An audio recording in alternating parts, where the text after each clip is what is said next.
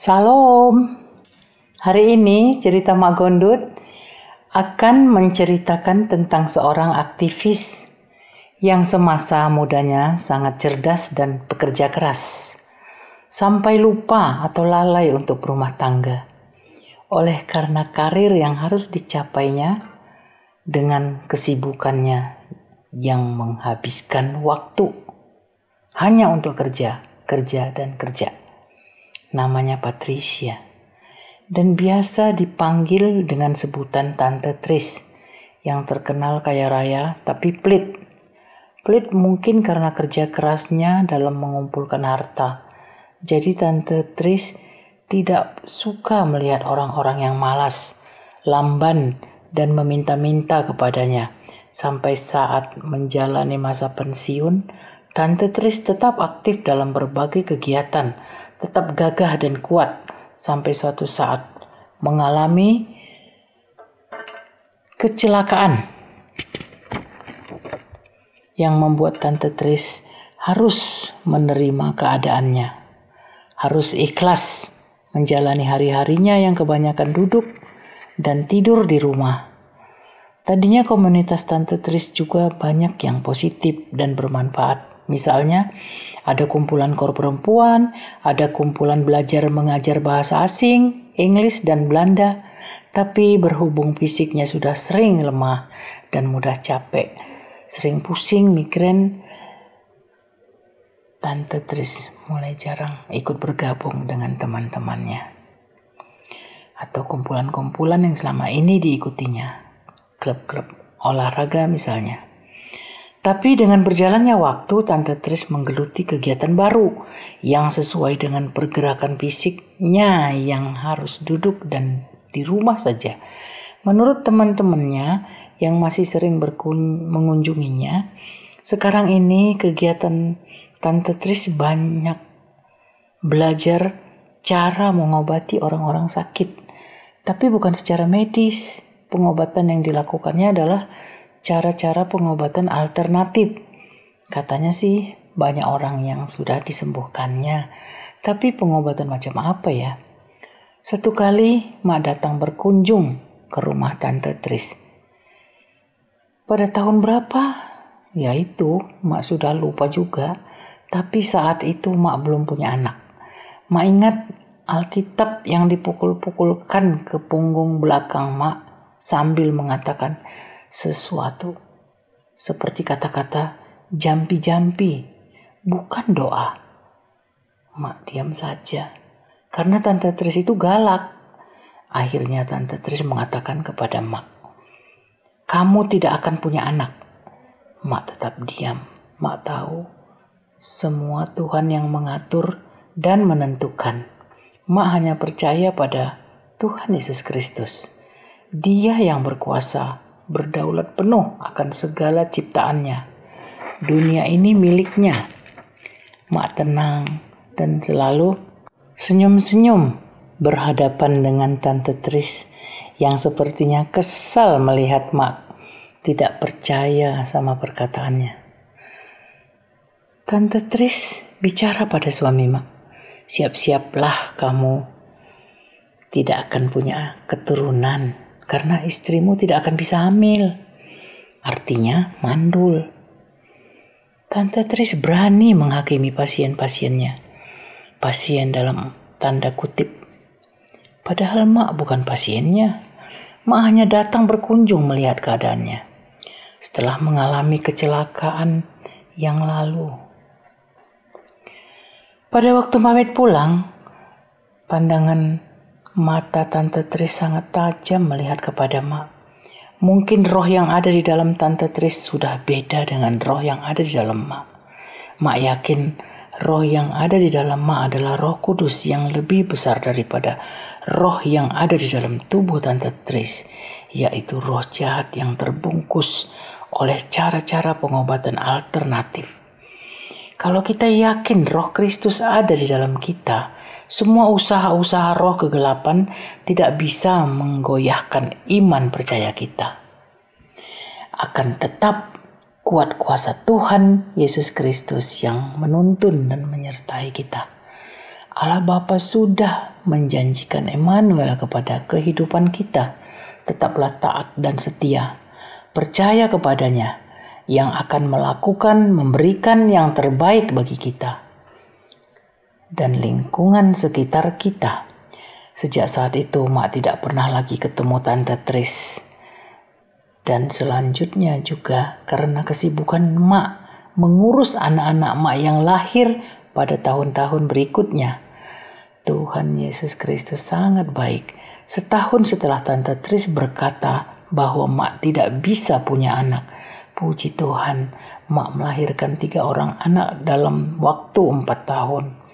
Mak suka cita dan bahagia dengan kehidupan Mak. Sekali lagi, Tuhan Yesus Kristus sangat baik. Sudah menggenapi kebahagiaan rumah tangga Mak. Beberapa tahun kemudian, Mak dengar kehidupan Tante Tris semakin mundur. Tidak lagi bergabung dengan komunitas PA dan kor gereja karena semakin menekuni menekuni pengobatan alternatifnya. Tapi Tante Tris harus bayar harga. Beberapa tahun kemudian, Tante Tris mengalami kecelakaan lagi dan lebih parah dari kecelakaan yang pertama. Beliau koma tidak sadarkan diri sampai empat hari karena pendarahan yang berat. Setelah sadar, masih harus mengalami masa pemulihan dalam satu tahun. 14 tahun kemudian, pada waktu bertemu dengan Tante Tris lagi, Mak hampir-hampir tidak mengenalnya. Beda sekali kurus, tua, dan sudah pakai kursi roda. Diam dan diam. Sulit berbicara. Sedih memang melihatnya. Apakah ini adalah satu peringatan untuk kita semua? Ya, tentu saja. Terutama seperti Tante Tris yang di masa mudanya terus bekerja mengejar karir sampai merasa nyaman sendiri. Tidak ingin berumah tangga seperti tertulis pada kitab 1 Korintus 7 ayat 17, selanjutnya hendaklah tiap-tiap orang tetap hidup seperti yang telah ditentukan Tuhan baginya. Dan dalam keadaan seperti waktu ia dipanggil Allah, inilah ketetapan yang kuberikan semua kepada jemaat. Tapi apa yang telah terjadi selanjutnya dengan kehidupan Tante Tris Apakah ini yang dikatakan dicobai?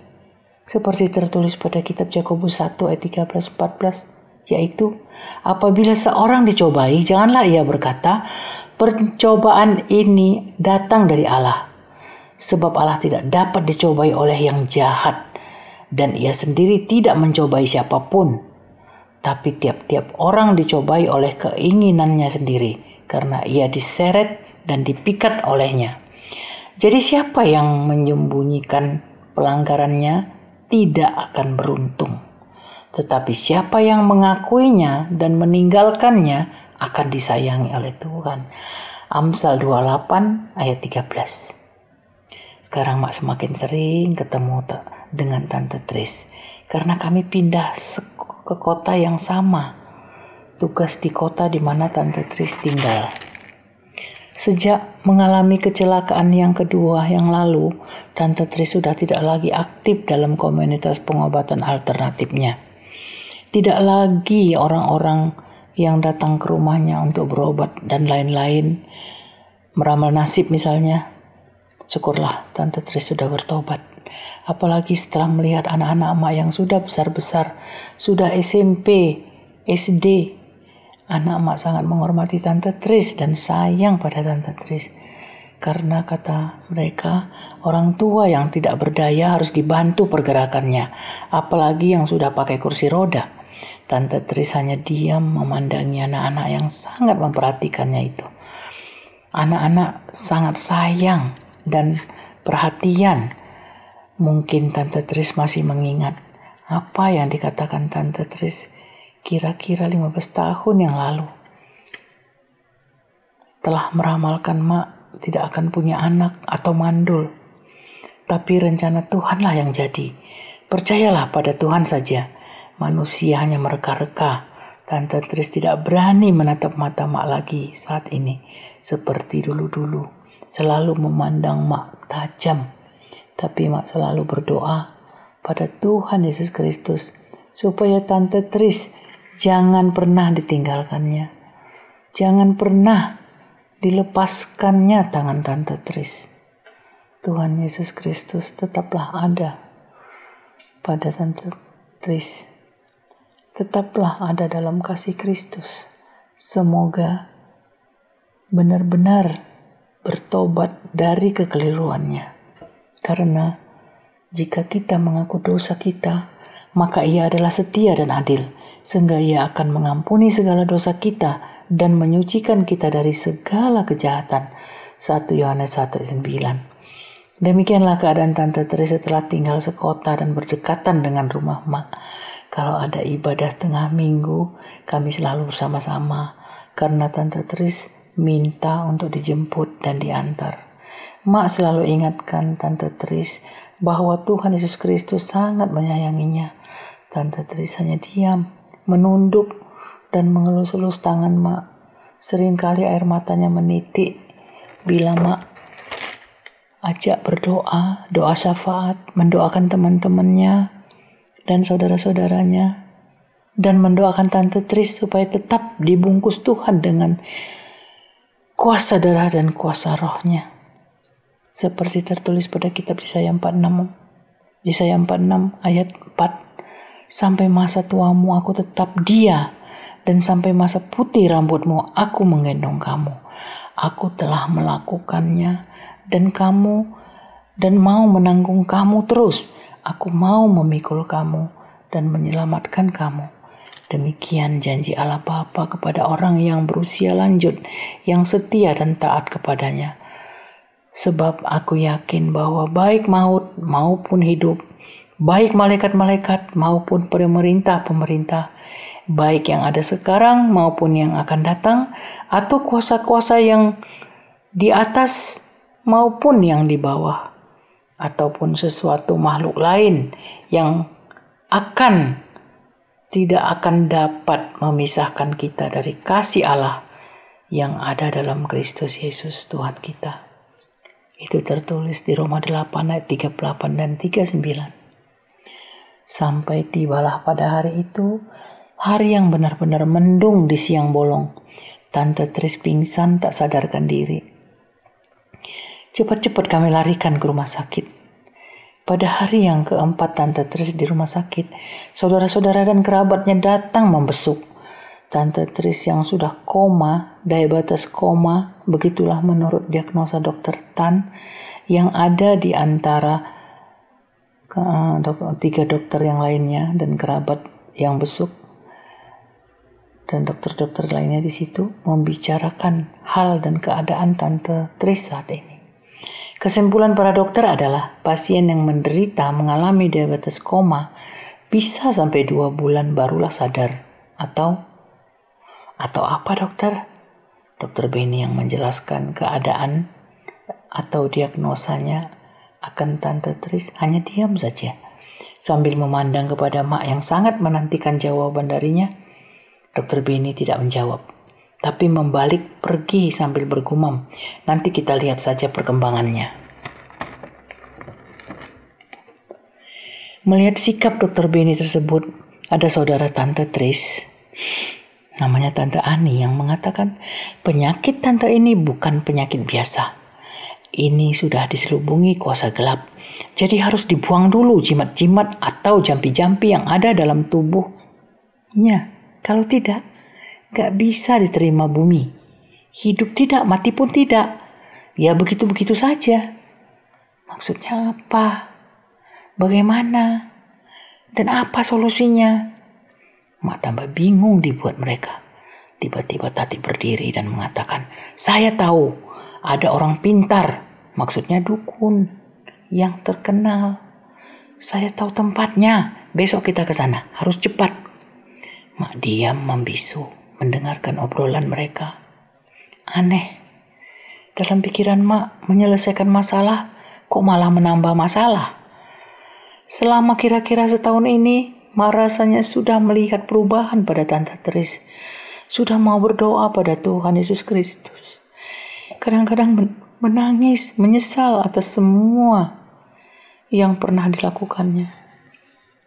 Bisa dikatakan Tante Tris sudah bertobat dan sangat menyesali perbuatannya yang menduakan Tuhan, yaitu hal yang paling dibenci Tuhan. Tante Tris pernah bertanya pada Mak dengan terisa isa apakah Tuhan Yesus Kristus mau mengampuninya, menerimanya kembali. Ya, pasti. Kalau sungguh-sungguh mengakui dosa-dosa yang kita perbuat, Tuhan Yesus Kristus pasti menerima dan mengasihi kita dengan sepenuh hati. Kasih yang sempurna telah diberikannya kepada siapa pun yang berbalik kepadanya, memuji dan memuliakannya bukan karena kebaikan kita, tapi oleh kasih karunia-Nya kita dipulihkan. Siapa pun dipulihkannya dengan sempurna. Tapi kenapa sekarang saudara-saudara Tante Tris, yaitu Tante Ani dan Tati dan lain-lain, mau pergi besok ke orang pintar, meminta jampi-jampi atau obat-obat alternatif untuk membuang membuang apa? Untuk apa? Katanya supaya bisa mati. Hah? Kok manusia bisa bodoh begitu ya? Padahal mereka adalah jemaat gereja. Jemaat yang katanya adalah pengikut Kristus. Yang menyebut dirinya anak Tuhan. Tapi mau menyelesaikan masalah ini kok masalah baru yang dimunculkan. Malah kedukun bagi mak ini justru menambah masalah, bukan menyelesaikan. Waktu sudah menunjukkan jam 24 lebih.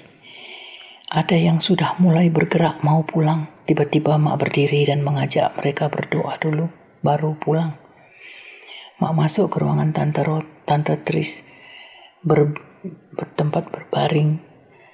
Dan ada dua orang yang mengikuti mak, Tante Ani dan Dina dan yang lainnya tetap duduk di ruang tamu, ruang rawat VIP tersebut. Mak mulai berdoa kepada Tuhan Yesus Kristus, memohon petunjuk dan tuntunan dari Tuhan Yesus Kristus, supaya kami semua yang hadir di sini ada delapan orang, ditambah tiga dokter yang merawat Tante Tris, jadi semua sebelas orang, supaya Tuhan Yesus Kristus memberi solusi yang terbaik Janganlah kami menambah dosa-dosa kami. Biarlah kehendak Tuhan Yesus Kristus yang terjadi. Apa pun itu adalah yang terbaik bagi kami. Yang hanya bersandar dan mengandalkan kuasa kuat kuasa Tuhan Yesus Kristus. Bungkus kami dengan kuasa darah dan kuasa rohmu untuk melakukan tugas-tugas dan pelayanan kami, supaya kami kuat, sabar, dan tegar dalam menghadapi masalah dan tantangan yang menghadang. Jangan biarkan kami dengan pikiran kami sendiri. Dalam nama Yesus Kristus, kehendakmu lah yang jadi. Tante Tris yang dalam kelemahannya, kami serahkan dalam tangan kasih Tuhan saja. Engkau sudah menentukan, merancang kehidupannya sejak masih dalam kandungan ibunya semua yang sudah Tuhan Yesus Kristus berikan kepada kami, khususnya Tante Tris, dan yang akan Tuhan Yesus Kristus tambah-tambahkan lagi. Kiranya semuanya untuk kemuliaan bagi namamu yang besar saja. Anugerah dari Tuhan Yesus Kristus, kasih karunia dari Allah Bapa dan persekutuan dengan Roh Kudus yang akan menjaga dan memelihara kita mulai saat ini sampai dengan selama-lamanya. Amin. Setelah Mak katakan amin, Mak langsung keluar mencari Pak Ribut dan Ronald, dua orang yang menjaga Tante Tris selama empat hari ini di rumah sakit. Mak tegas mengatakan, Pak Ribut dengan Ronald jangan ke mana-mana ya, jaga di ruangan ini terus dan cepat-cepat telepon Mak kalau ada apa-apa dengan Tante Tris. Besok pagi-pagi kita bawa Tante Tris, jangan sampai terlambat. Tungguin ya, jangan ke mana-mana. Semua yang mendengar kata-kata mak pada bingung, tertegun dengan pikiran masing-masing. Tante Ane pikir Mak mau pindahkan Tante Tris ke rumah sakit yang lain karena mendengar keterangan dokter Beni tentang diagnosa diabetes koma yang masa komanya bisa sampai dengan dua bulan dan setelah sadar selanjutnya melihat perkembangan nanti. Pikiran mereka, Mak menghitung biaya rumah sakit selama dua bulan, koma, tidur. Jadi lebih baik pindah ke rumah sakit yang lain, bukan VIP seperti rumah sakit ini. Padahal Mak tidak memikirkan hal biaya rumah sakit dan lain-lain. Apa yang sudah Mak katakan dengan sedikit berteriak, sepertinya di luar kesadaran Mak. Setelah bersalaman satu sama lain, masing-masing kami pulang dengan bermacam-macam pikiran yang berbeda-beda. Sampai di rumah, Mak langsung beres-beres, siapkan koper, sepertinya mau berangkat ke mana. Ke mana ya? Setelah beberes, pagi-pagi jam 4 subuh Mak sudah bangun, mandi dan lain-lain. Jam 4.30 Mak sudah menunggu telepon dari rumah sakit. Seperti yang Mak katakan pada Pak Ribut dan Ronald, cepat-cepat telepon Mak ya. Mak terus menunggu telepon dari rumah sakit. Karena sudah jam 4.35, belum juga berdering telepon dari rumah sakit. Mak angkat telepon untuk sambung ke rumah sakit. Kring, halo suster, bagaimana kabar pasien kamar nomor 4. Oh iya bu, 10 menit yang lalu sudah meninggal. Maaf ya bu, telepon rumah sakit tiba-tiba rusak, nggak bisa keluar. Ada kerusakan mendadak. Untunglah ibu telepon. Kalau masuk, telepon bisa. Kalau Pak Ribut sudah meluncur ke rumah ibu, mau memberitahu berita duka cita dari rumah sakit. Mak terhenyak duduk lemas. Selanjutnya, Mak beritahu ke seisi rumah supaya bangun. Karena Tante Tris sudah pergi meninggalkan kami semua. Tapi kenapa sejak selesai berdoa tadi malam di ruangan Tante Tris, sepertinya Mak siap-siap terus. Mau bawa Tante Tris ke mana nggak tahu. Pikiran Mak hanya jangan dibawa ke dukun. Dan Tuhan Yesus Kristus menjawab doa-doa doa Mak supaya tidak membuat kami berdosa atau menambah dosa. Tuhan Yesus Kristus menjawab dan bertindak pada waktunya. Waktu Tuhan adalah yang terbaik. Tante terus diselamatkan dari niat perdukunan, membuang jimat katanya. Dalam pelaksanaan acara pelepasan dan pemakaman Tante Tris, Mak terus mengucap syukur pada Tuhan Yesus Kristus, Immanuel. Tuhan Yesus Kristus menyertai Mak dalam segala perkara. Kita tidak pernah dibiarkan sendirian. Percayalah, Kiranya semua yang mendengar cerita Ma ini semakin mengenal dan semakin dekat dengan Tuhan Yesus Kristus. Tidak ada masalah atau kesulitan apa pun yang dapat memisahkan kita dari kasih Allah, Bapa, pemilik bumi dan seluruh isinya. Amin. Demikianlah cerita Mak Gondut pada hari ini. Semoga kita dapat bertemu lagi pada cerita Mak Gondut minggu yang akan datang. Salam.